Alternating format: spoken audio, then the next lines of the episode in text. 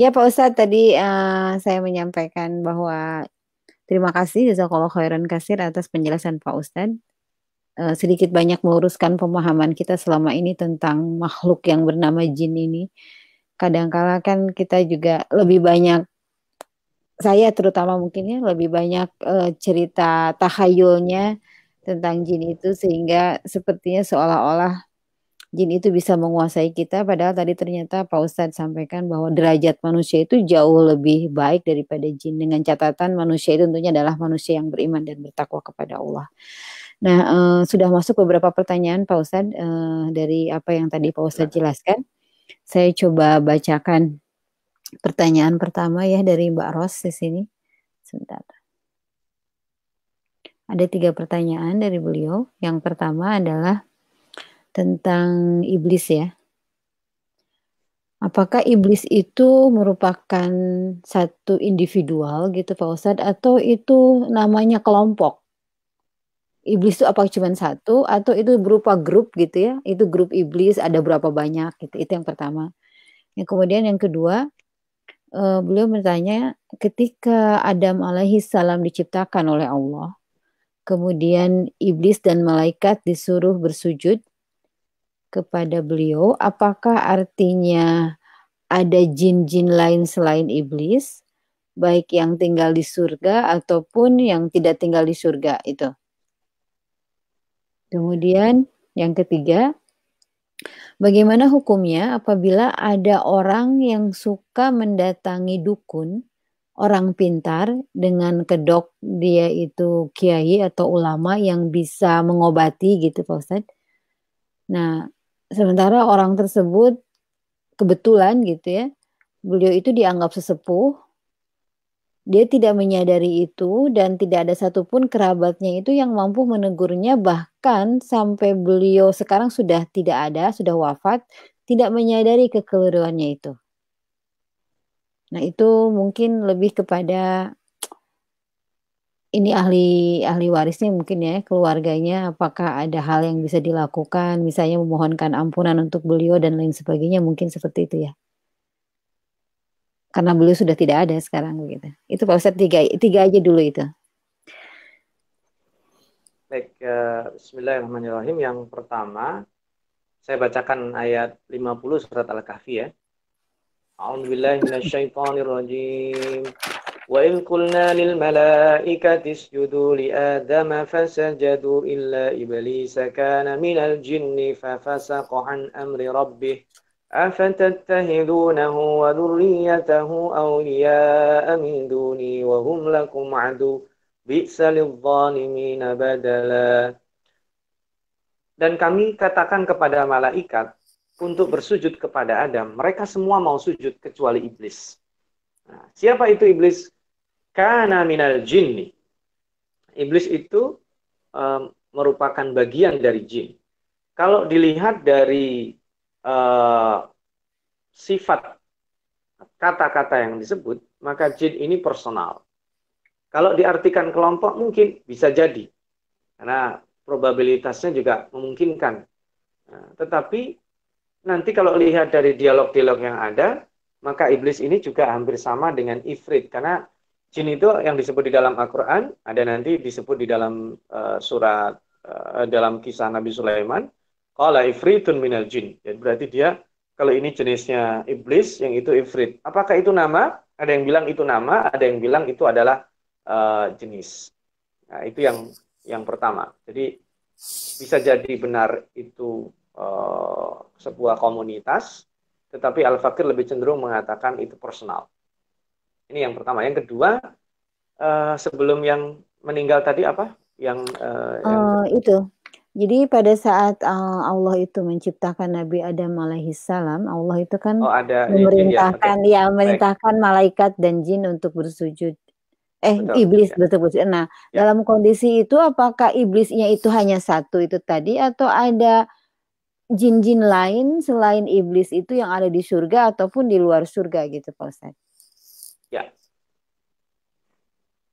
Pada saat itu wallahu alam bisawab mungkin belum dimulai taklif. Sehingga jin malaikat itu berdampingan mendapatkan nikmat Allah Subhanahu wa taala dan mereka hidup uh, damai. Lalu kemudian datang taklif pertama yaitu taklif untuk bersujud kepada malaikat eh, kepada Nabi Adam. Mereka kemudian eh, di antara mereka ada yang durhaka, ada yang tidak. Jadi tidak semuanya. Jadi iblis ini kalau dianggap personal, ada yang lainnya. Kalau dianggap dia komunitas, ada komunitas lainnya. Nah, di mana mereka tinggal tidak ada keterangan detil. Bisa jadi bersama malaikat. Nah, kalau seandainya sebelum itu mereka ada taklif nggak? Ada taklif, tetapi taklifnya mungkin seperti malaikat. Yang taklif mereka itu, walau alam. Karena kalau ini kita tarik keterangan di dalam surat Ad-Dariyah tadi, Wama khalaqtul jinna wal insa illa liya'budun. Mereka sudah lebih dulu ada, bisa jadi ada taklif kepada mereka. Bisa jadi juga ada nabi, bisa jadi juga ada dai di antara mereka. Tapi nantinya belakangan termasuk Rasulullah SAW sebagai penutup itu risalahnya bukan hanya untuk manusia, tapi untuk jin. Gitu. Nah ini yang kemudian jadi dalil sebagian kita. Saya berdakwah kok dakwahnya kepada jin. Nah, jadi sebenarnya kondisi seperti itu, wallahu alam, kita ngurusin alam kita saja. Karena mereka sendiri ada dai dan lebih tahu cara berdakwah kepada mereka. Karena berinteraksi dengan jin itu, berinteraksi dengan sesuatu yang kita tidak bisa pastikan. Mereka seperti apa? Nah, sifat yang aslinya mereka apa? Bisa jadi baik, tetapi aslinya mereka tidak baik. Kalau berinteraksi dengan makhluk yang kelihatannya ada panduan, apalagi berinteraksi dengan mereka, lebih rumit. Maka cenderung lebih baik dihindari. Ya, jawaban singkatnya, ada nggak? Ada, jawabannya ada. Makhluk selain itu. Jin maksudnya. Selain Bahkan kalau ditanya apakah ada makhluk selain jin, manusia, dan malaikat di dunia ini, bisa jadi ada, tapi kita tahunya tidak terlalu bermanfaat. Kalau nggak tahu nggak membahayakan. Itu aja. Kan sampai ada disebut apakah ada di planet ini makhluk di sini makhluk di sini makhluk lain? Bisa jadi ada tapi taunya kita nggak bermanfaat nggak taunya nggak jadi uh, masalah gitu. Nah ini sama juga uh, kita ini apakah selain iblis ada jin lain yang tinggal di situ ada jawabannya insya Allah ada karena Allah sudah ciptakan jin ya yang kedua mereka tinggal di mana apakah bersama malaikat nah ini termasuk wilayah tadi itu kita tahunya tidak terlalu manfaat, kalau tidak tahu tidak membahayakan keimanan hmm. kita. Jadi skip aja, kita cukup hmm. yang ada aja kita kita bahas gitu. Nah, hmm. yang ketiga, yang ketiga, kalau ada keturunan kita ke bawah atau uh, kita darinya yang ke atas, orang tua, paman, kakek, nenek dan lain sebagainya, pernah berinteraksi dengan jin yang naudzubillah berinteraksinya apakah sebagai dukun, apakah sebagai penyihir, ya kita meminta ampunkan saja selama mereka ini tidak jelas-jelas syirik, itu boleh kita meminta ampunkan kepada kepada Allah Subhanahu wa taala. Yang tidak diperbolehkan berdoa itu adalah mendoakan orang yang musyrik, orang yang kafir untuk diampuni oleh Allah Subhanahu wa taala. Di luar itu e, diperbolehkan. Nah, jadi kalau tadi disebutkan misalnya karena tidak tahu Eh, kemudian berinteraksi dengan seperti ini, bagaimana caranya dilepas? Yang paling berat itu uh, dulu pernah Fakir ikut ya tidak tidak terlalu lama. Kalau seandainya kita ngobati orang yang dia memang punya jimat yang ditanam di dalam dirinya, misalnya berupa makanan, pernah ditanam di dirinya, tidak bisa dilepas sehingga uh, terikat itu jin-jin uh, yang buruk di dalam dirinya, atau kemudian dia punya jimat yang tidak diketahui di mana diletakkannya. Nah ini hal-hal seperti ini sebisa mungkin kita lindungi diri kita. Bagaimana cara melindunginya? Dengan memperbanyak zikir. Zikir itu selalu disebut banyak. Saya ambil contohnya, baca surat Al-Baqarah. Baca surat Al-Baqarah, rumah kita, diri kita, pasangan hidup kita, anak kita dilindungi oleh Allah. Kalau kita baca full, surat Al-Baqarah itu tiga hari dilindungi. Karena surat Al-Baqarah dan surat Ali Imran surat yang paling dibenci oleh jin. Oleh jin yang buruk maksud saya. Nah, bagi orang-orang sibuk, ya, ada fadilah lainnya. Kita baca awal Al-Baqarah, ayat kursi, ayat surat Al-Baqarah. Dibaca setiap pagi, Allah jaga sampai petang. Dibaca di petang hari, Allah jaga sampai pagi. Dijadikan wirid. Salah satu bentuknya. Sebelum tidur, kita lakukan seperti yang dicontohkan Rasulullah. Membaca kulhu Allah tiga kali. Ditiupkan di sini.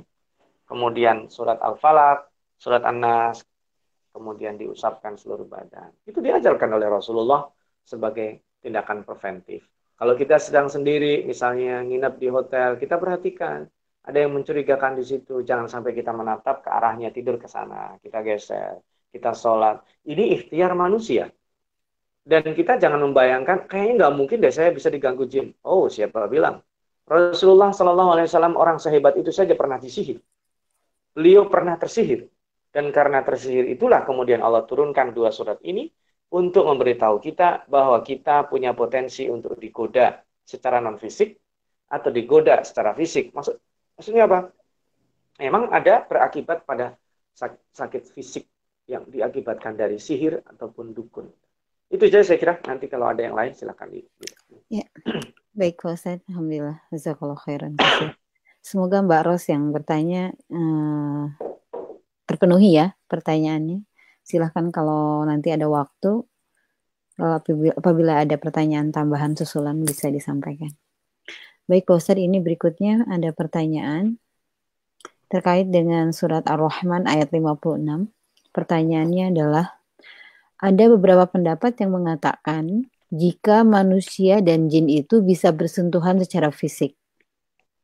Dikarenakan menarik kesimpulan dari surat Ar-Rahman ayat 56 tadi, yang artinya di dalam surga itu ada bidadari-bidadari yang membatasi pandangan yang tidak pernah disentuh oleh manusia maupun jin sebelumnya. Nah, dari situ ada yang menarik kesimpulan kalau jin itu bisa bersentuhan fisik begitu, Ustaz. Jadi hmm, pertanyaan beliau adalah apakah benar bila terjadi sentuhan fisik karena artinya bisa terjadi pernikahan an intermakhluk ya. Jadi antara jin dan manusia dan itu juga ya. fenomena itu ada saya sempat baca artikel ada orang yang menikahi jin begitu ya, Pak Ustaz. Itu gimana, Pak Ustaz? Uh, wallahu alam sahab gini kalau ada jin naksir kita hmm?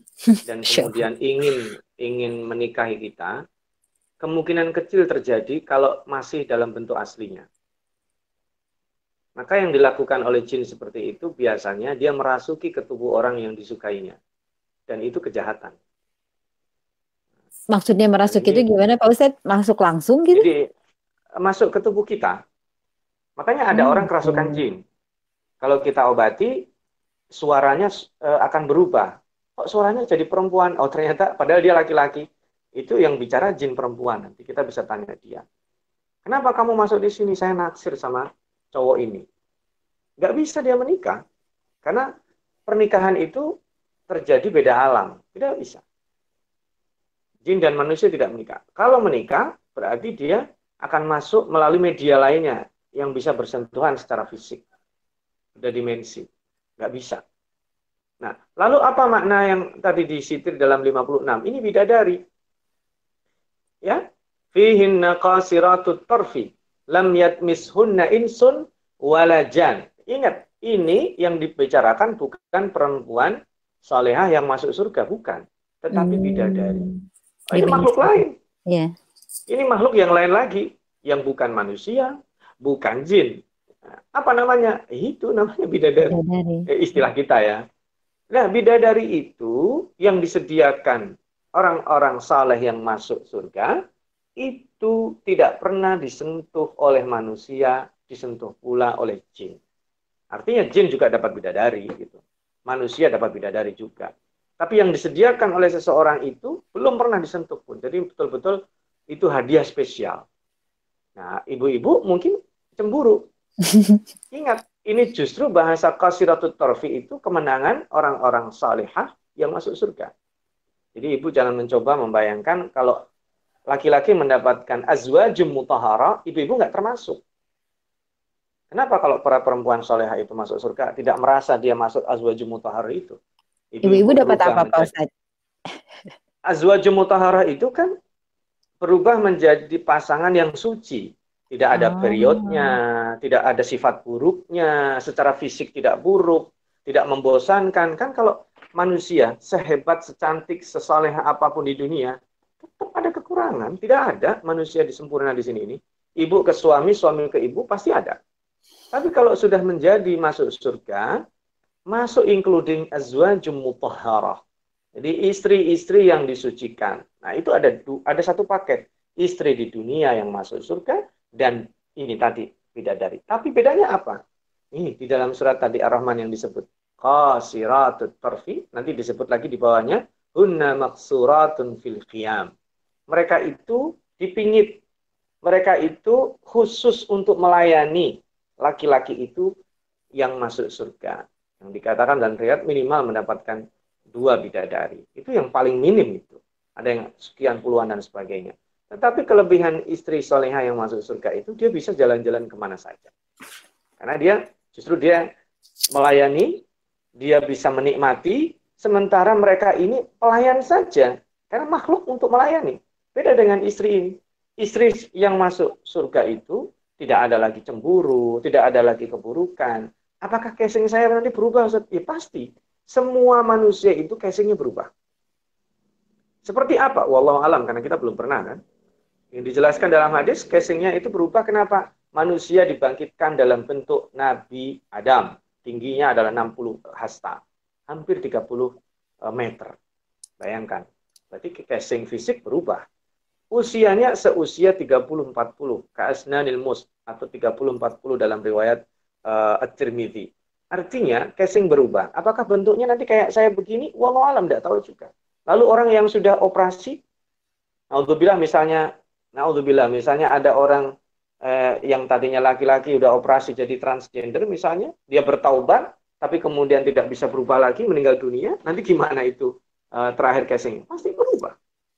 Allah Subhanahu wa taala eh, tidak ingin membuat kita ini eh, patah harapan. Maka eh, insya Allah eh, dengan pemahaman ini, walau alam ini saya tidak mengklaim sebagai pendapat yang benar. Menurut Al Fakir tidak mungkin terjadi pernikahan. Kalaupun hmm. ada, ada dimensi lain yang dibutuhkan untuk mereka bertemu. Janjian ketemu di mana. Mohon maaf, seperti ini kan kita pertemuan secara online dengan dua lini masa yang berbeda. Belum ditemukan istilah teleportasi yang diberikan kepada Nabi Sulaiman alaihissalam. Ya, bisa memindahkan uh, istana Ratu Balkis secara fisik ke tempat dia dalam hitungan kedipan mata saja. Mungkin bisa jadi nanti ada teknologinya. Itu masih satu alam. Nah, pertanyaannya, itu Nabi Sulaiman kok bisa? Nabi Sulaiman dikasih kekuatan Allah. Rasulullah pernah, Rasulullah pernah bisa, tetapi Rasulullah tidak mau. Kenapa? Karena doa itu sudah diucapkan Nabi Sulaiman. Jadi satu-satunya manusia yang bisa mutlak berinteraksi dengan jin hanya Nabi Sulaiman saja. Rasulullah SAW pun terbatas. Dan tidak ada keterangan Rasulullah SAW melihat jin dalam bentuk asli. Yang ada dalam bentuk asli itu malaikat yang dilihat oleh Rasulullah. Ya, jadi kita baru bisa akan berjumpa, melihat jin, melihat loh, bukan berinteraksi langsung, salaman langsung. Uh, bisa melihat itu kalau Allah buka hijabnya. Maka saya tidak menefikan kalau misalnya ada orang melihat apa gitu, melihat ya, melihat ya. Uh, uh, itu kan ada dua, bisa jadi halusinasi, bisa jadi betulan. Gitu. Kita tidak tahu, Allah alam. Karena ini bicara makhluk gaib, uh, kita eh, jangan kita lah, saya tidak mau membicarakan sesuatu yang tidak ada informasi saya, kemudian saya mengada-ngada. Dari hasil uh, hadis dan Al-Quran yang sependek pengetahuan Al-Fakir, uh, kemungkinan kecil mereka bisa menikah dengan dimensi yang berbeda. Wallahu a'lam. Ya, baik Pak Ustaz. Masya Allah. Ini pembahasan tingkat tinggi ya. Perlu keimanan ya Pak Ustaz. Jadi tidak bisa me menghayal, mengada-ngada begitu. Betul-betul harus berdasarkan keimanan kita kepada Allah dan termaktub dalam Al-Quran ataupun Sunnah. Ini Pak Ustadz masih ada pertanyaan susulan terkait dengan tadi ya. Um, bisa tidaknya bersentuhan fisik. Jadi beliau pernah membaca dan sepertinya saya juga pernah melihat gitu ada video yang menghimbau kepada kita terutama wanita pada saat tidur itu harus dalam kondisi rapih begitu ya. Misalnya tidak menampakkan aurat dan lain sebagainya. Artinya walaupun rapi itu dalam artian tidak harus ya seperti kita mau keluar rumah hanya saja harus rapi gitu karena katanya di situ di artikel itu ada beberapa wanita yang pada saat tertidur itu tadi digauli oleh jin itu Pak Ustadz. Itu ya. gimana Pak Ustadz? Karena karena memang mereka tergoda melihat uh, nampaknya tersingkap aurat kita gitu Pak Ustadz. Terus bagaimana ya. menyikapinya? Apakah betul gitu adab kita tidur itu harus rapi itu? ya. Bismillahirrahmanirrahim. Ini sebenarnya bukan hanya berlaku buat uh, para wanita muslimah, tapi juga berlaku untuk laki-laki. Jadi kita ini uh, tadi yang saya sebut, ketika dalam keadaan sendiri uh, kita tidak dibolehkan atau ada yang mengharamkan, ada yang memakruhkan untuk menanggalkan mohon maaf pakaian kita karena ada makhluk lain di sekitar kita. Sama ketika kita tidur juga kenapa kita didoa supaya tidak disentuh oleh jin. Disentuhnya jin beda karena kita nggak bisa nyentuh mereka. Jadi mereka bisa nyentuh kita dan kita nggak terasa. Apakah mohon maaf kalau misalnya sampai misalnya kita diisengin atau e, naudzubillah tadi digauli, itu secara efek fisik tidak ada. Tidak ada, dipastikan tidak ada. Efeknya efek non fisik. Karena kan nanti e, jin yang buruk tadi itu dia masuk ke dalam tubuh. Jadi mungkin saya lebih cenderung tetap pendapatnya yang tadi itu masuk dalam tubuh. Kalau udah masuk dalam tubuh keganggu. Ini kalau udah ada satu pintu, nah yang lain iseng masuk juga. Makanya di dalam tubuh manusia kita yang ringkih ini bisa jadi bukan hanya ratusan, ribuan jin bisa ada dalam tubuh kita.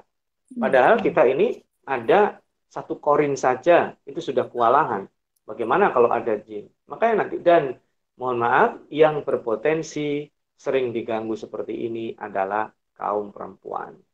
Dan yang berpotensi diganggu adalah perempuan baik-baik. Loh kok gitu? Lah iyalah apa kepentingan mereka mengganggu perempuan-perempuan yang tidak baik? Coba saya tanya, apa ada orang kesurupan di diskotik? Kesurupan orang di tempat-tempat yang mohon maaf saya tidak mengklaim itu buruk, lebih buruk dari Al-Fakir, bukan. Tetapi tempat-tempat seperti itu yang cenderung dengan peradaban hedonis itu ada orang kesurupan. Kalaupun ada satu sekali. Kenapa ada orang kesurupan pas pengajian? Pas uh, mungkin bisa jadi sholat, uh, mungkin pada saat zikir. Justru kesurupan di tempat-tempat itu. Kenapa? Karena di mereka kesurupan itu karena jinnya nggak kuat di tempat-tempat komunitas baik itu. Mereka akan nyaman di tempat-tempat. Makanya bisa jadi secara fisik orangnya baik-baik aja, tetapi sesungguhnya dia membawa jin-jin yang buruk itu. Karena kita hidup di alam yang berbeda, saling menghormati, sebagaimana kita tidak buang air di air menggenang, uh, bersuci uh, ber, uh, apa istinja dengan tulang, mereka juga haram hukumnya masuk ke dalam tubuh kita karena tubuh kita bukan tempat uh, mereka iseng, mereka tinggal. Jadi makna tersebut betul ya. Kita ketika tidur kalau bisa bersuci, wudhu, tidurnya menutup aurat, uh, kalaupun berdua dengan suami istri, uh, ditutup selimut. Jadi kan memang betul-betul private kalau mau mendatangi ada doanya doa itu mengusir secara halus jangan deketi saya yang malaikat tanpa itu pun mereka pasti pergi. Kalau udah gitu sangat private itu cuma berdua saja kita dengan pasangan hidup kita. Itu kan ajaran agama kita. Jadi uh, sementara yang al fakir tahu seperti itu. Jadi tidak ada konsekuensi fisiknya. Nah, maka kalau jangan dibayangkan kalau seandainya naudzubillah misalnya bisa nggak ada seorang perempuan hamil tapi yang menghamilinya itu, mohon maaf kalau bahasanya tidak tepat, itu ternyata laki-laki dari golongan jin. Wallahu a'lam bishawab. Al-Fakir jawab, itu tidak mungkin terjadi. Nah, kejadian itu ada di film tidak mungkin. Ya, ada tidak di mungkin film. terjadi itu. Mungkin kalau film iya, tapi uh, dalam dalam teori yang di, uh, kita ambil dari Al-Quran dan hadis itu tidak mungkin. Tidak ada. Mustahil tidak ada. Yeah. Adapun di sini lam yatmi sunnah itu di dalam Ar-Rahman keterangannya ini kan bicara makhluk lain lagi. Bidadari yang kita belum jumpa. Mungkin ibu-ibu penasaran kayak apa sih sampai disediakan oleh mereka? Yaitu ya di surga. Syaratnya ya kalau mau ketemu mereka di surga. Dan insya Allah tidak ada keburukan karena Allah memastikan azwajun itu mutahharah. Mutahharah itu bukan bersih ya. Mutahharah dibersihkan secara fisik dan non fisik. Nggak ada dengki, nggak ada iri, nggak ada cemburu, nggak ada kekurangannya. Justru bidadari itu cemburunya saat ini. Para bidadari yang disiapkan oleh Allah cemburu kepada eh, orang-orang uh, yang mengganggu uh, calon-calon suami mereka atau maksiat-maksiat yang dilakukan oleh uh, para perempuan yang sesungguhnya mereka lebih mulia daripada yang disiapkan Allah untuk para laki-laki saleh itu. Hmm. Allah Baik Pak Mudah-mudahan yang bertanya bisa terjawab ya. Ini Pak Ustadz masih nyambung ini sepertinya pertanyaannya tentang ini ya, jin yang bisa melihat. Uh, ini pertanyaannya adalah apabila tadi kan tentang wanita man, uh, apa tertidur. Kalau ini adalah beliau pernah membaca tentang pada saat kita ke kamar mandi Pak Ustadz. Pada saat kamar mandi itu yang beliau tahu itu juga malaikat berhenti sampai di pintu, nggak ikut masuk begitu. Apakah itu benar seperti itu? Lalu bagaimana dengan jin yang disebutkan bahwa kamar mandi itu tempat terbaik mereka itu bersemayam di kamar mandi gitu. Sehingga uh, ini uh, yang bertanya ini pernah dinasehati oleh orang tuanya itu jadi udah seperti ajaran leluhur apabila mandi itu tidak boleh sama sekali menanggalkan tanpa sehelai benang pun gitu. Tetap harus ada lapisan yang menutupi dikarenakan tadi jin itu bisa melihat aurat kita. Itu bagaimana Pak Ustadz? Ya, Bismillahirrahmanirrahim. e, karena itulah kita ada doa masuk toilet, masuk kamar mandi, baik toilet itu ada buang hajatnya ataupun untuk mandi saja. Ya, untuk kepentingan itu, itu mengusir secara halus. Ini a'udzubika minal khubuthi wal khaba'if. Dan yang tinggal di situ jangan dipersepsikan semua jin, tidak. Itu jin-jin bandelnya.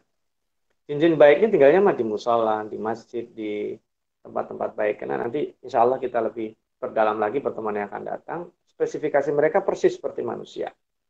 Tongkrongan jin itu sama dengan tongkrongan manusia. Ada yang nongkrongnya di tempat A, ada yang tongkrongannya tempat B. Ini itu salah satu tempat tongkrongan orang jin-jin yang buruk di situ. Nah, karena itu para ulama berbeda pendapat. Boleh nggak hukumnya mandi secara bersih? Semuanya dengan ada penghalang pakaian. Ada yang berpendapat tetap harus ada pakai pakaian. Tetapi kalau Al-Fakir ambil pendapat uh, bahwa jin itu bisa diusir sebagaimana pada saat kita berhubungan dengan pasangan kita, pada saat mandi pun bisa. Artinya kita berdoa kepada Allah, kemudian sudah kita bersihkan. Insya Allah tidak ada yang tidak ada yang melihat kecuali kita saja dan tentunya Allah Maha mengetahui. Jadi eh, kalau berpendapat ada yang lain seperti madhab Imam Ahmad, eh, mereka tetap memakai baju ya untuk menutup itu. Ya silahkan saja tidak ada masalah. Jadi sesungguhnya ini kepada lebih kepada menyikapi doa itu. Ya, ya, kalau al-fakir berkeyakinan selama kita berlindung kepada Allah, kita bisa mengusir mereka untuk ya istilahnya kan kalau korin itu kan seperti pengawal pribadi, kamu di sini aja ya, saya mau masuk bisa kita berhentikan dia karena yang paling mulia manusia semuanya ditaskhir untuk manusia rezeki kita binatang tumbuh-tumbuhan itu juga untuk manusia termasuk ketika seperti ini kita pun bisa meminta doa kepada Allah berdoa kepada Allah memohon kepada Allah supaya menghentikan mereka tidak ngikutin kita. Saya kira bisa. Walau alam itu sependek pengetahuan yang jadi doa itu bisa menangkal ya Pak Ustadz ya. Ya, dari makanya awal. zikir itu penting ya. Dari awal kita berdoa. Makanya kenapa kita sebelum makan berdoa supaya yang makan betul-betul kita. Karena kalau kita makannya banyak rakus, ya ternyata jin. Betul. Al-Fakir pernah jumpain orang, Masya Allah, makan itu tidak normal. Sampai makanan yang cukup untuk 10 orang dia makan sendiri masih kurang aja. Nah, kalau kita seperti ini, ini penyakitnya penyakit tidak normal. Wadah orang makan kok beling, nah, pecahan kaca gitu ya. Paku dia makan, ini bukan dia yang makan. Nah, itu yang makan adalah yang bandel-bandel dari jin itu tadi.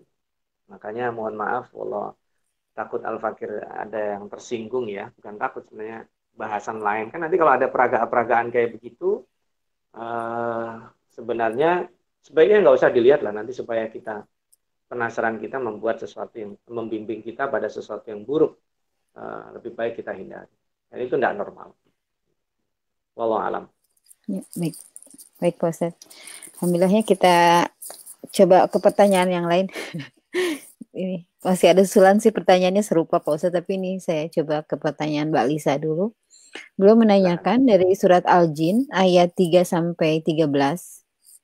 Ya. Beliau melihat uh, kenapa itu dimulai dengan kata dan sesungguhnya. Itu apakah ada makna khusus di balik semua awalan ayat-ayat tersebut, Pak Ustaz? Ya, Bismillahirrahmanirrahim. Nah, itu tadi saya mohon maaf tidak sempat uh, mengeksplorasi sisi bahasa karena ini kajiannya dilematis kalau kita masuk ke sisi bahasa kehilangan dimensi yang utama itu dimensi gaib. Betul. Itu dimulai dengan uh, ada takkid supaya manusia yakin bahwa pertama tadi itu jin itu ada. Mereka itu makhluk yang tidak bisa membahayakan kita. Paling banter mereka bisikin kita. Eh ambil. Eh begini. Mereka tidak bisa mempengaruhi kalau kita kuat mengganggu kita tidak bisa karena bisa dimensi. Din mau nampar saya tidak bisa. Ayo tampar saya tidak bisa. Dimensinya beda. Dia baru bisa nampar saya kalau dia masuk ke tubuh seseorang yang menampar saya. Gitu. Nah, kalau orangnya nampar kan saya bisa menghindar. Tapi mana innahu yarakum huwa wa qabiluhu min haitsu la itu tidak untuk nakut-nakuti kita. Jin dan setan yang berkolaborasi jadi satu termasuk manusia ngawasin kita. Jadi kita kalau kalau itu ngasih tahu supaya kita hati-hati. Karena gini setan itu ngikutin kita. Setan dari golongan jin dan manusia loh. Orang yang hasad sama kita itu mereka melihat kita kita nggak melihat kita. Status Facebooknya dilihatin handphonenya bisa jadi disadap kemudian semuanya itu kan setan. Dari kalangan manusia begitu. Diikutin. Begitu ada celah satu untuk nyalain kita untuk apa kita dapat ah sikat. Manusia kan bisa ditemukan kesalahannya. Jadi itu bukan untuk nakut-nakuti, tapi kalau kita pikirin kita jadi stres. Makanya kita fokus pada tujuan kita mendapatkan hidayah atau menebarkan hidayah dan berdoa kepada Allah. Karena yang kita hadapi adalah orang yang pekerjaannya ngawasi kita. Menjerumuskan kita seperti Nabi Adam dijerumuskan oleh iblis karena dapat aja.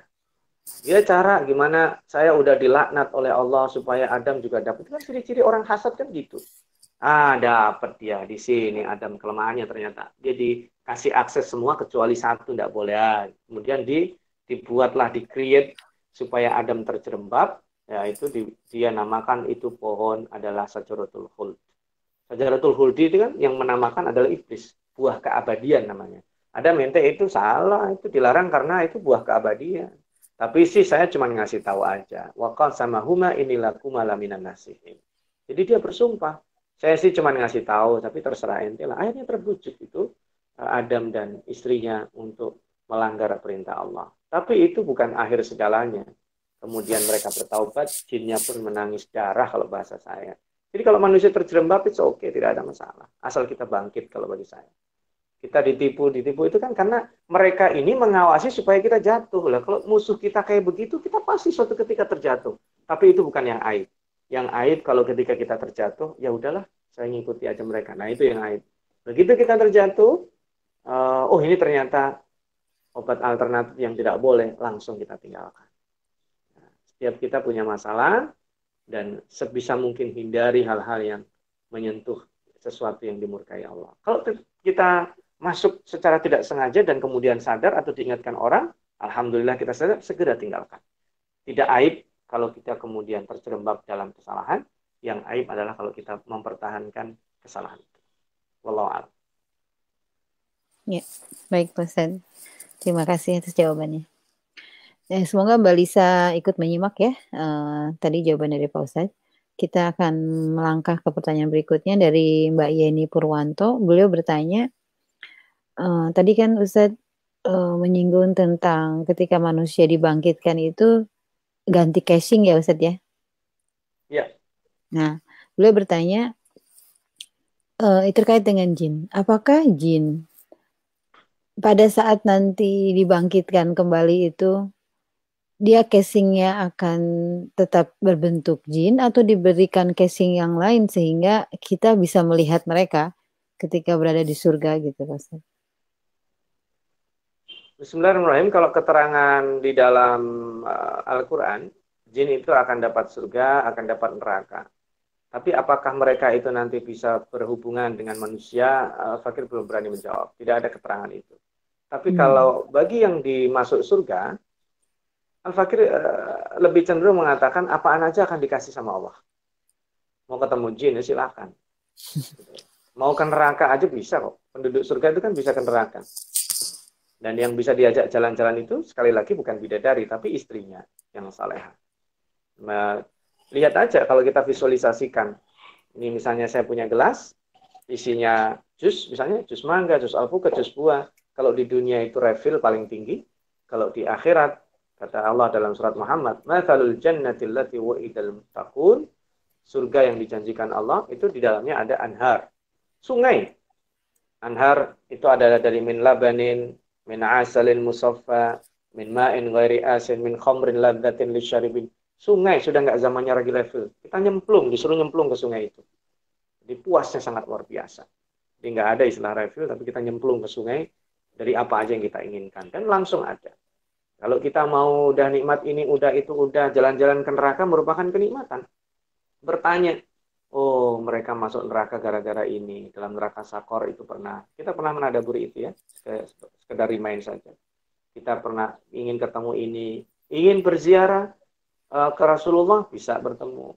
Bahkan kelimatnya penduduk surga bisa bertemu, melihat langsung Allah. Itu yang tadi saya sebut. Kalau Allah aja kita bisa melihat, itu janjinya ya. Wujuhu yauma idin nadhirah ila rabbiha nadhirah. Itu dalam hadisnya kita bisa melihat Allah seperti hanya sekarang kita melihat bulan purnama. Jelas tidak. Artinya kita nggak mungkin mengatakan seperti apa itu di dunia. Kalau udah ketemu Allah itu ibaratnya sudah speechless, udah hilang kata-kata kita. Nikmat sebelumnya itu hilang semua. Maka uh, sebelum itu ketemu jin boleh nggak? Boleh. Misalnya ada yang penasaran dia sekarang kita di era uh, sudah Eh, revolusi industri 4, sekarang sudah mulai dibicarakan industri kelima, eh, ada robot cerdas dan lain sebagainya.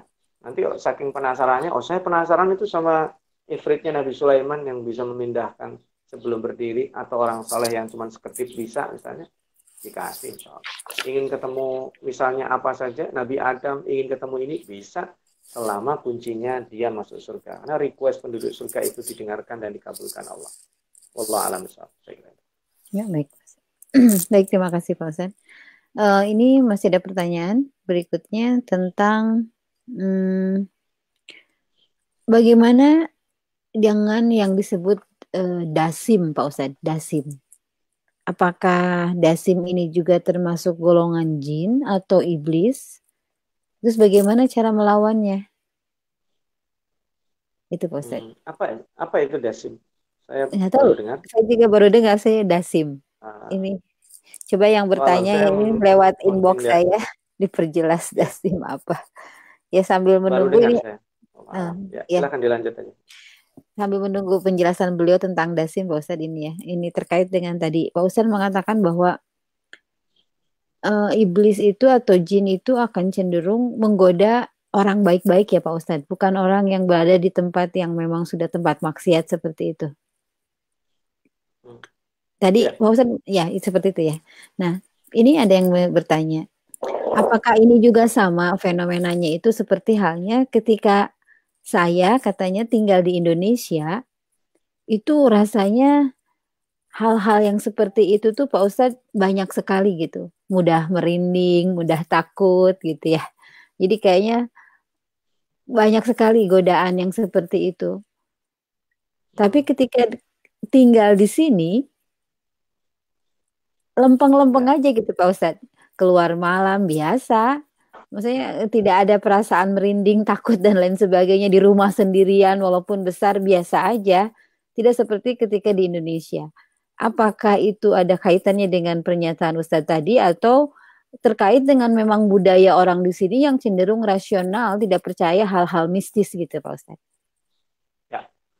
Uh, itu jawabannya kolaboratif ya. Jadi uh, tidak untuk dikomparasikan karena persepsi orang beda-beda. Celakanya kalau kita mempersepsikan alam gaib itu selalu ke dunia mistik. Dunia mistik di Indonesia itu mohon maaf tidak tidak ada yang terhormat. Bicara mohon maaf ya hantu saja. Di Indonesia hantu itu profesinya mohon maaf tidak tidak eh, nanti cenderung ini ya bisa membuli saya jadinya eh, dia suster ngesot, susternya pun bukan suster yang cantik gitu kan ngesot artinya tidak berdaya gitu uh, lalu kemudian sundel bolong kuntilanak bajunya atau tuyul yang cuma pakai celana dalam anak-anak atau pampers saja itu jadi beda dengan persepsi mistik di barat. Di barat itu kalau Dracula, vampir itu kan dia berjas, rapi tampilannya. Hantu itu kalau di Cina digambarkan adalah bangsawan. Itu juga ada kajian antropologi dan sosiologi saya kira.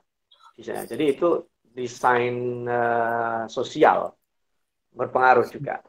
Dan orang-orang barat yang sangat realistis bahkan cenderung ateis tidak tidak mau percaya Tuhan dan hal-hal gaib itu juga mempengaruhi sehingga kita juga tidak tidak ikutan takut. Jadi sebenarnya ada plus minusnya. Termasuk kalau kita lewat kuburan, ya, nggak usah di barat, di negara-negara Arab saja kita lewat kuburan biasa. Padahal tempat saya belajar itu di Mesir ada namanya Dead City, kota mati. Kenapa disebut kota mati?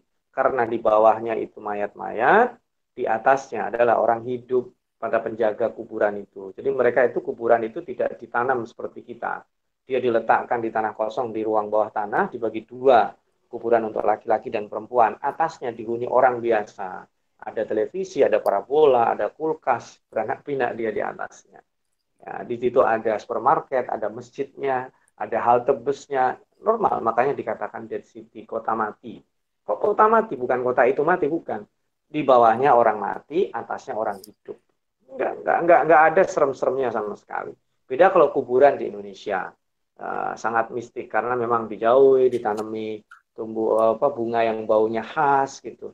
Kemudian uh, uh, dan memang uh, memang ini apa sangat mendukung untuk untuk membuat persepsi yang menyeramkan uh, itu tambahan sesungguhnya uh, yeah. uh, kalau yang yang tadi itu bukan berarti tidak terjadi di barat di barat ada orang berinteraksi dengan sihir lebih kejam malah ya ada tetapi uh, tidak menjadi persepsi umum. Kalau di Indonesia karena sudah hal-hal mistik, yaitu mohon maaf mungkin bukan hanya di Indonesia, di Asia Tenggara ya, atau di beberapa tempat yang terkenal lagi adalah di Afrika, di beberapa pedalaman Afrika yang memang dunia mistis yang kesihir larinya itu ada. Dan sihir itu memang ada, bisa menyerang siapa saja. Tetapi kita haram hukumnya mempelajarinya itu saya kira lebih itu saya kira kalau yeah. itu saya juga merasakan kok merasakan dulu ketika saya di di Mesir itu kadang jalan kok aman dari godaan yang begitu termasuk juga aman dari uh, yang dibegal dan lain sebagainya. Ada dua sekaligus kan yang disebut rasa aman karena kepastian hukum. Dari sisi fisik yang non fisiknya persepsi bahwa oh, saya nggak merasa kalau diganggu apa. Harusnya kita di Indonesia juga sama. Tapi kemudian ikutin branding karena dengar cerita. Apalagi uh, saya pernah menanya juga ke orang-orang terus terang saya nggak suka itu film-film horor.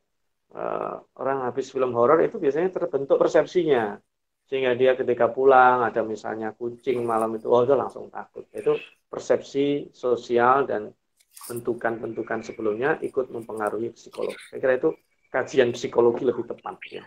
Bukan kalau kajian kita ini lebih kepada akidah. Kalau akidah tidak terpengaruhi tempat saya kira. Persepsi kita tentang sihir tentang jin itu orang barat sama orang kita yang muslim saya kira harusnya sama, standarnya sama. Tapi kalau mistik yang tadi itu lebih kepada sosiologi dan struktur sosial masyarakat ya. Wallah alam itu kalau jawaban saya dua, tidak bisa hanya faktor faktor keimanan terhadap kitab suci kita ini, tapi memang ada faktor eh, sosial yang kita hidup di mana. Wallah alam. Ya, baik Pak Ustaz. Alhamdulillah. Baik, kisah sekalian, eh, kita masih ada waktu sekitar 14 menit ya, dan ini masih ada beberapa pertanyaan yang harus saya bacakan.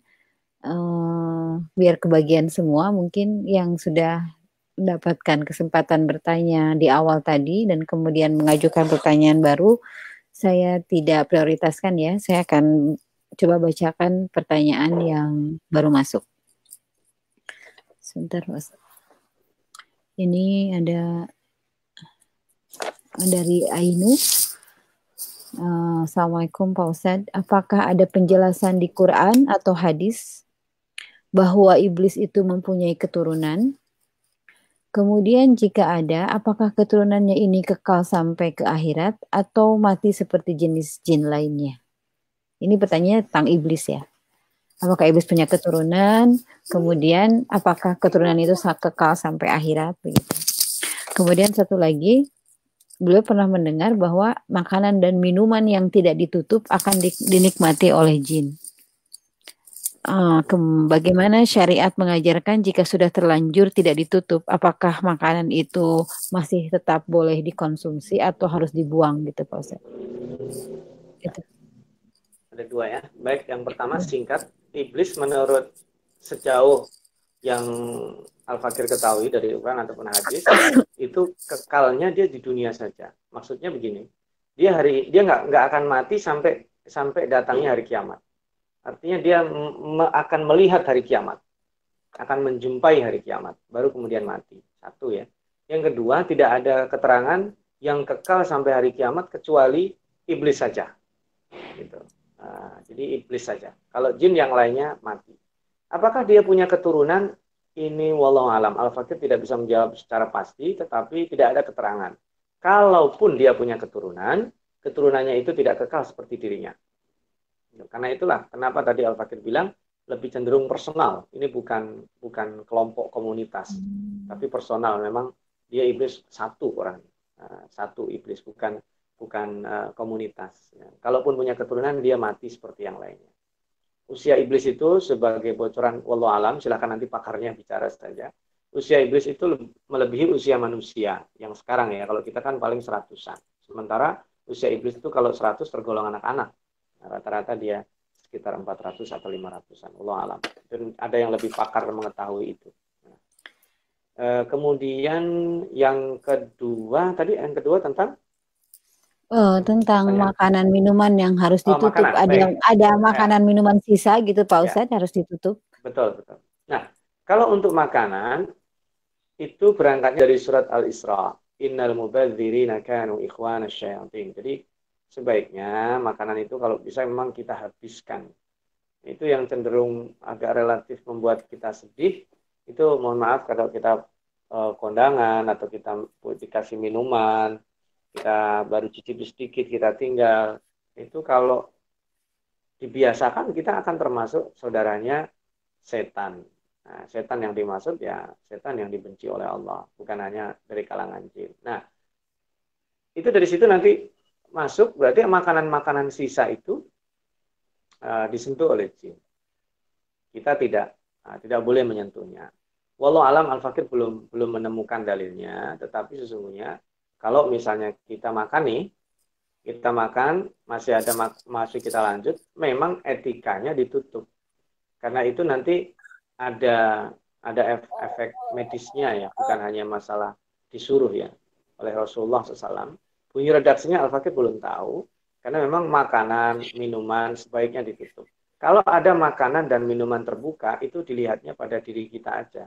Yakin atau tidak, ya bisa diminum atau tidak, tidak ada masalah. Karena eh, yang disebutkan secara letterlek itu eh, akan diikuti oleh jin, itu ketika kita makan tanpa membaca basmalah atau tanpa berdoa. Jin itu akan menyertai ikut makan. Kalau yang redaksi bahwa itu makanan perlu ditutup, itu konsekuensinya Al-Fakir belum menjumpainya. Apakah akan disentuh oleh jin atau tidak. Dan tutup itu pun beda-beda orang. Apakah misalnya saya meletakkan gelas seperti ini di kamar untuk makanan eh, untuk minum saya ketika saya mau tidur, eh, nanti bangun tengah malam saya minum, itu masuk di, di wilayah itu atau tidak. Nah, itu Al-Fakir belum menemukan. Tapi kalau yang dimaksud yang Al-Fakir uh, tahu sejauh uh, sependek pengetahuan itu makanan sisa. Sebaiknya makanan sisa itu diputuskan. Mau kita habisi atau naudzubillah kalau dibuang. Dibuang pun kalau bisa kita pilih mana yang bisa diberikan untuk uh, itu saya kira kalau di sini bebas ya bisa ngasih kucing. Kalau di sana malah berarakan mengganggu mengganggu lingkungan. Nah, jadi sesungguhnya uh, itu juga uh, selain dari cara hidup sebenarnya Rasulullah SAW membimbing kita untuk rapi. Karena kalau di di sana terbiasa makanan dipisahkan antara organik non organik, kalau di sini campur aja jadi satu. Maka sesungguhnya uh, itu lebih kepada uh, gaya kita hidup itu supaya tidak mubazir. Kalau mau makan ada takarannya. Jadi kalau singkatnya saja uh, ditutup itu anjuran uh, dari Rasulullah Shallallahu Alaihi Wasallam tetapi konsekuensi yang tadi disebut Al-Fakir belum menjumpai dalilnya. Jadi kan hmm. makanan ditutup, makanan dari dengan tangan kanan, makan dari arah dekat itu kan akhlak dalam makan. Nah, kulmin mayalik itu kan makanan di dekat. Artinya saya pengen makanan yang di sono, tapi kan tidak enak sama orang yang di sana. Tapi supaya dapat ya ngomong aja, tolong dong saya minta itu, boleh nggak ya boleh aja. Apakah itu melanggar etika? Saya kira tidak. Supaya apa? Kita nggak begini. Itu kan tidak etis. Gitu. Kulmin mayalik deketin berarti. Nah, itu kan bahasa dalam etika dalam makan. Ditutup supaya tidak ada binatang atau yang lainnya masuk di situ. Ketika dibuka nggak ada masalah. Kalau udah nggak pakai ditutup. Nah ketika ternyata kita lupa terbuka aja ya kita lihat aja makanan itu masih bisa dimakan atau tidak. Itulah tinjauannya tinjauan etika tinjauan medis dan lain sebagainya. Kalau konsekuensi yang tadi ini al fakir belum menjumpai Allah alam nanti mudah-mudahan bisa al fakir cari Ya, baik Pak Ustadz. Alhamdulillah. Mudah-mudahan jelas ya Ainu yang bertanya. Ini Pak Ustadz, uh, ini masih terkait dengan iblis tadi. Kalau memang iblis itu satu-satunya tadi individual itu, berarti iblis yang diusir oleh Allah dulu sampai sekarang tuh masih iblis yang sama. Itu pertanyaan yang pertama. Yang kedua, apakah bisa dikatakan iblis ini tuh raja jin itu yang mengatur semuanya? Kalau memang dia cuma satu, kenapa kekuatannya begitu dahsyat bisa mempengaruhi semua manusia gitu Pak Ustaz? Itu dua pertanyaan Jadi, susulan tentang iblis. Ya, uh, kalau ditanya iblis yang dulu sampai sekarang sama-sama. Usianya udah beribuan tahun. Eh, dari nas yang Al-Quran dia hidup.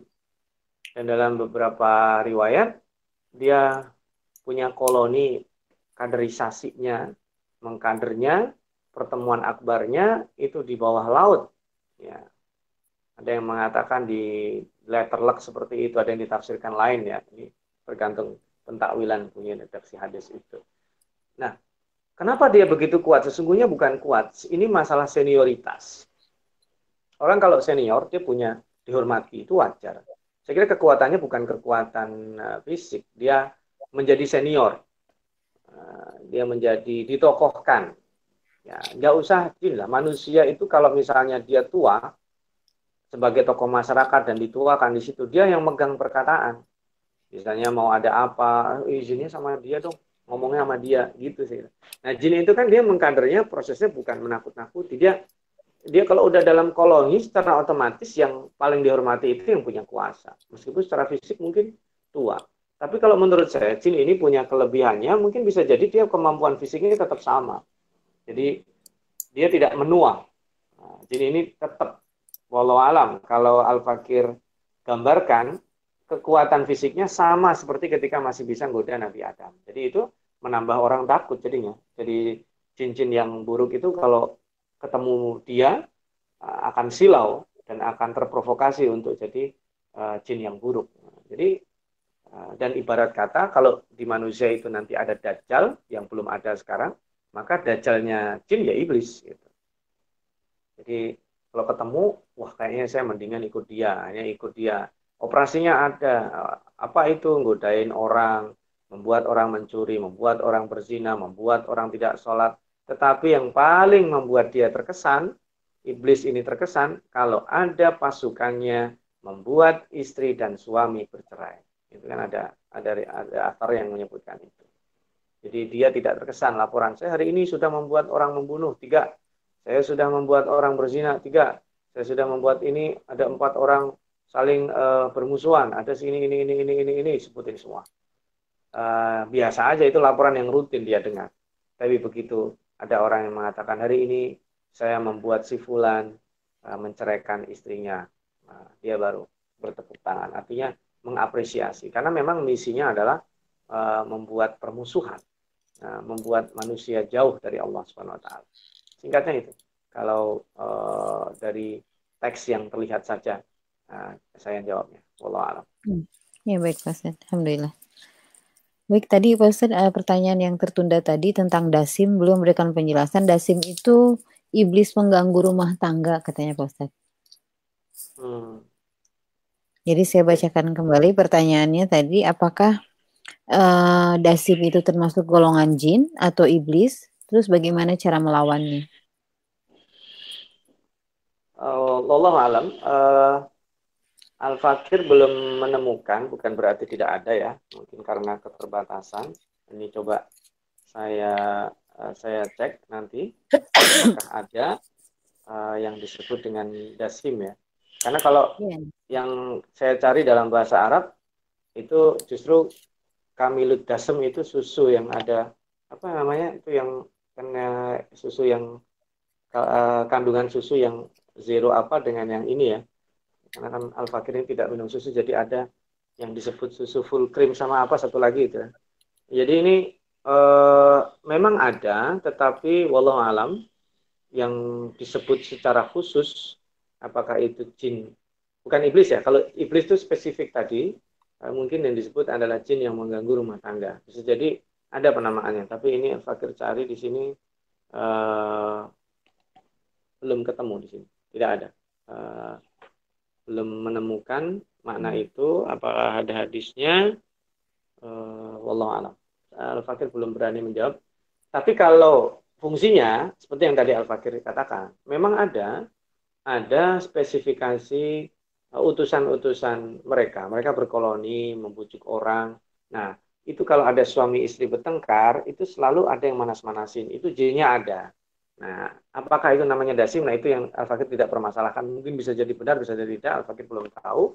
Nah, kalau itu seperti apa, makanya biasanya kalau seseorang bertengkar seperti itu yang harus dihindari satu jangan sampai mereka terucap perkataan cerai karena kalau begitu ngucap ya udah terjadi perceraian tepuk tangan itu uh, jin yang mengganggu itu nah, dan karena itu kenapa perceraian itu tidak di tangan istri biasanya kalau seperti itu perempuan lebih cenderung emosional dan dia ingin langsung bercerai. Kalau laki-laki relatif dia mikirin diam, pergi, meninggalkan karena uh, dia ingin berpikir uh, ini umumnya ya, saya tidak berbicara case-case khusus. Walau alam itu sementara yang bisa aku jawab.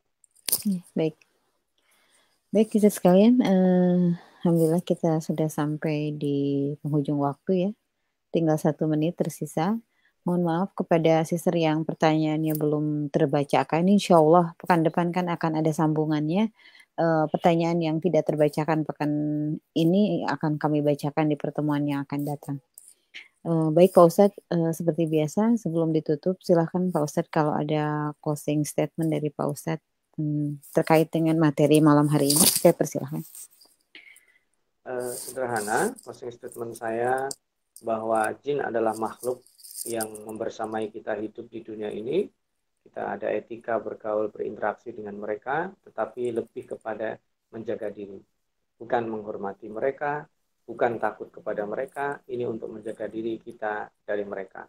Kalau kita baca Quran, kita ada yang dengar dari mereka atau tidak, tetap dikasih pahala oleh Allah. Kemudian kalau kita ada masalah, lebih baik kita minta bantuan Allah, bukan minta bantuan mereka. Kalau kita sekarang misalnya, oh saya pernah dapat jimat, sesegera mungkin itu dihilangkan, beristighfar, berdoa kepada Allah Subhanahu wa taala. Kalau kemudian keluarga kita ada yang terlibat pada hal-hal demikian, kita nasihati secara bijak, tidak secara frontal, karena tidak mudah memberikan pemahaman seperti yang uh, seharusnya pemahaman untuk menjauhi kehidupan yang bukan menjadi urusan kita. Yang terakhir, bahwa Allah Subhanahu wa taala menjelaskan seperti ini supaya kita kembalinya kepada Allah Rabbul Alamin tadi. Semuanya punya Allah. Alam binatang, fauna, jin, malaikat, kita di dunia sekarang ataupun nanti alam barzah ataupun di akhirat nanti Tuhannya Allah SWT. Siapa yang kuat dekat dengan dia, hidupnya dijamin aman. Bahkan hidup kita yang kelak, kekal, itu kekekalannya kita harapkan dalam kebahagiaan. Saya kira itu jazakumullah khairan.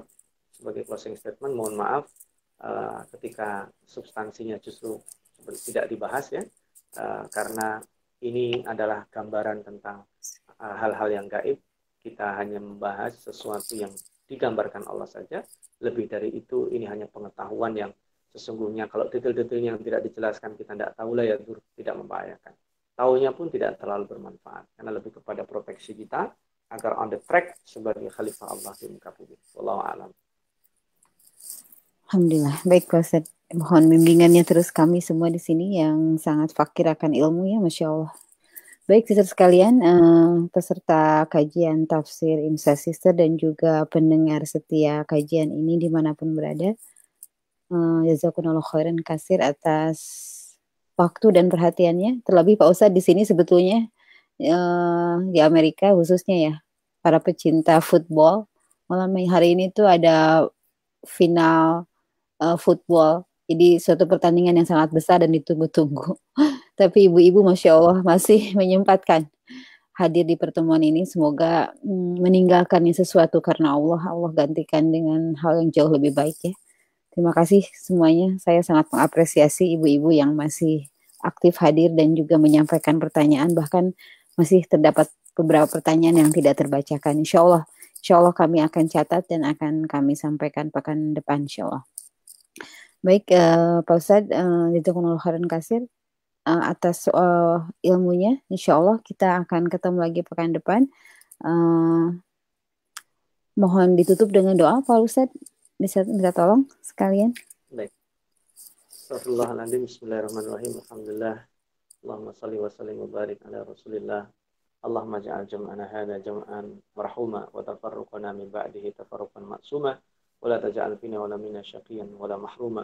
Allahumma ja'alna wa dhurriyyatina min hamalatil Qur'an وجعلنا وإياهم من حفظة القرآن وجعلنا وإياهم في زمرة أهل القرآن وشفعنا بالقرآن warzuqna tilawatahu ana al-lail wa atrafan nahar. Ya Allah, jadikan kami semua yang ada saat ini, yang hadir saat ini, keturunan kami, keluarga kami sebagai ahlul Quran. Jauhkanlah Amin. kami pada hal-hal yang menjauhkan kami dari Al-Quran. Lindungilah kami dari godaan semua makhluk yang tidak baik, yang menginginkan tidak baik untuk kami bimbinglah orang-orang yang menginginkan kebaikan, inginkan uh, agar selantiasa dekat dengan Al-Quran dan denganmu ya Allah. Rabbana hablana min azwajina wa dhurriyyatina qurrata a'yun waj'alna lil muttaqina imama. Rabbana atina fid dunya hasanah wa fil akhirati hasanah wa qina adzaban nar.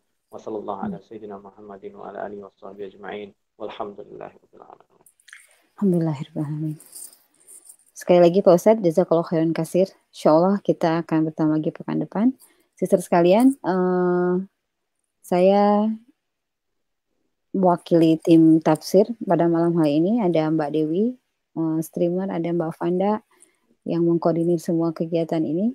Uh, Zakumul khairan kasir, sister semuanya. Insya Allah kita diberikan kesehatan, kelapangan waktu, dan juga umur panjang. Insya Allah kita bertemu lagi melanjutkan kajian kita uh, pada malam hari ini. Uh, silahkan videonya nanti di-share bagi yang ketinggalan uh, sehingga kita bisa melanjutkan lagi di pekan depan dengan ayat 15 insya Allah. Sekali lagi dari kami di sini mohon maaf yang sebesar-besarnya kalau ada hal yang tidak berkenan kita tutup sama-sama dengan membaca doa kafaratul majlis. Subhanaka Allahumma bihamdika alla ilaha illa anta astaghfiruka wa atubu ilaik. Assalamualaikum warahmatullahi wabarakatuh. Terima kasih Pak Ustaz.